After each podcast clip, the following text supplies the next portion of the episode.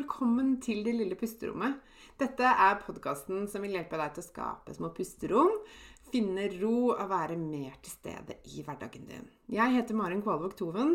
Jeg er barnevernspedagog, familieterapeut og eniagramcoach. Jeg er mamma til to, gift og gründer av Det lille pusterommet.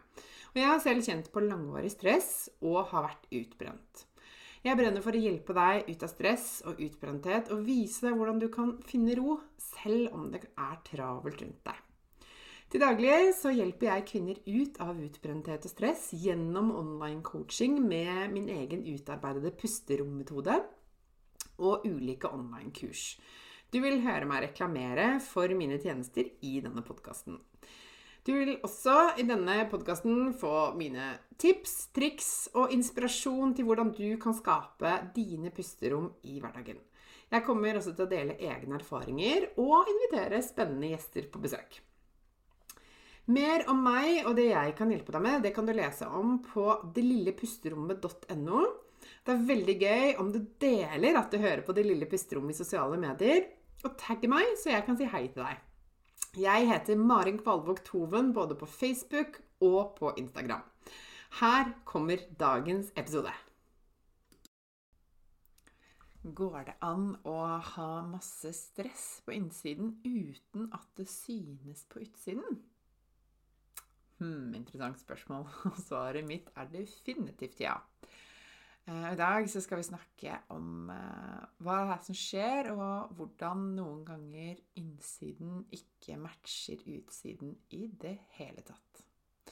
For det er nemlig sånn at stress trengs, trenger ikke å synes utenpå.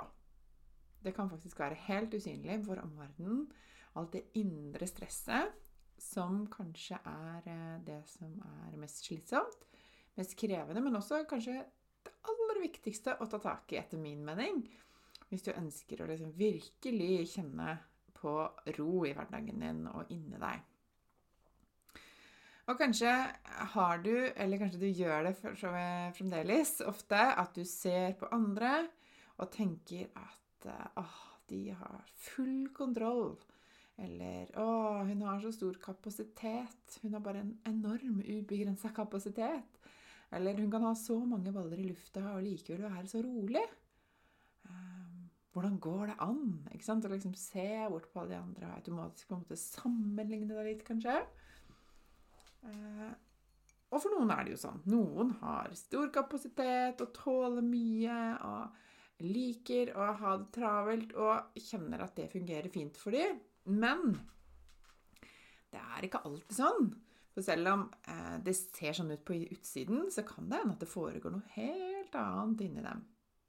Og jeg ser dette ofte eh, i møte med mine coachingkunder. Eh, som har eh, mye De har mye på plass, ofte. Livet er liksom ofte på stell med jobb, karriere, hus, venner, familie. Og at de tilsynelatende og på utsiden kan fikse det meste. Men de kjenner seg liksom ikke igjen i det på innsiden. Der er det mye stress. Der kan det være lav selvfølelse, som sier at de ikke er gode nok, selv om de får til alt dette. Eller at de kjenner på et veldig sånn jag etter at alltid kan bli bedre. Eller at de kan De må bli bedre. Og de må strekke seg enda litt lenger for alle andre. Og jeg har vært der selv også. For deg som kjenner meg fra før, så vet du jo det. Jeg hadde drømmejobben. Jeg hadde et flott hus, det har jeg fortsatt, da. Og en fin familie. Men på innsiden så var det et evig tankekjør. Masse dårlig samvittighet hele tiden. Eh, jeg sammenlignet meg med andre og minnet meg selv på at jeg ikke var god nok. Uansett hva jeg fikk til, uansett hva slags tilbakemeldinger jeg fikk, så trodde jeg ikke helt på det. Jeg tenkte at det kunne alltid bli bedre.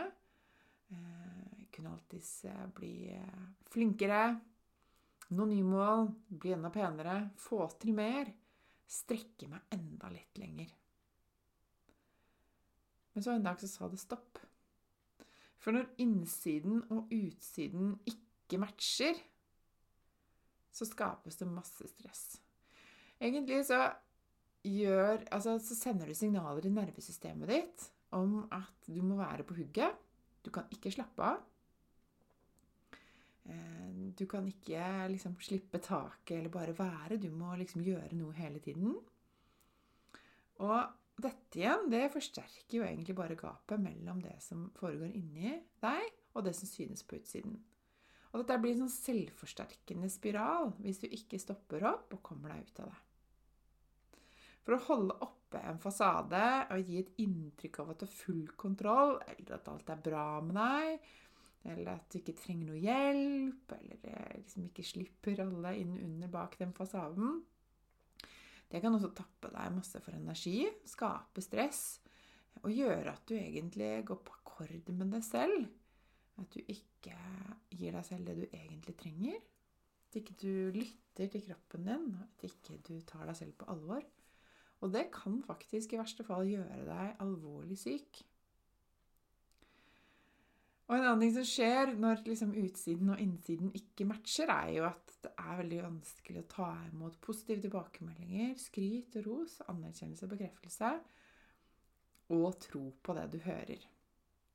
Fordi at stemmen inni deg sier at det er nok ikke helt sant. Eller da har de ikke sett hele sannheten. Lurer på om jeg blir avslørt snart. Um, for jeg er jo egentlig ikke så bra som det de skal ha det til. Eller kanskje du tenker ja, det var bare flaks. Eller den rosen skulle noen andre hatt. Eller var litt tilfeldig. Eller du sier det fordi du har en skjult agenda. Kanskje du smisker med meg, eller et eller annet sånt noe. At du liksom Ja, du kjøper det ikke helt.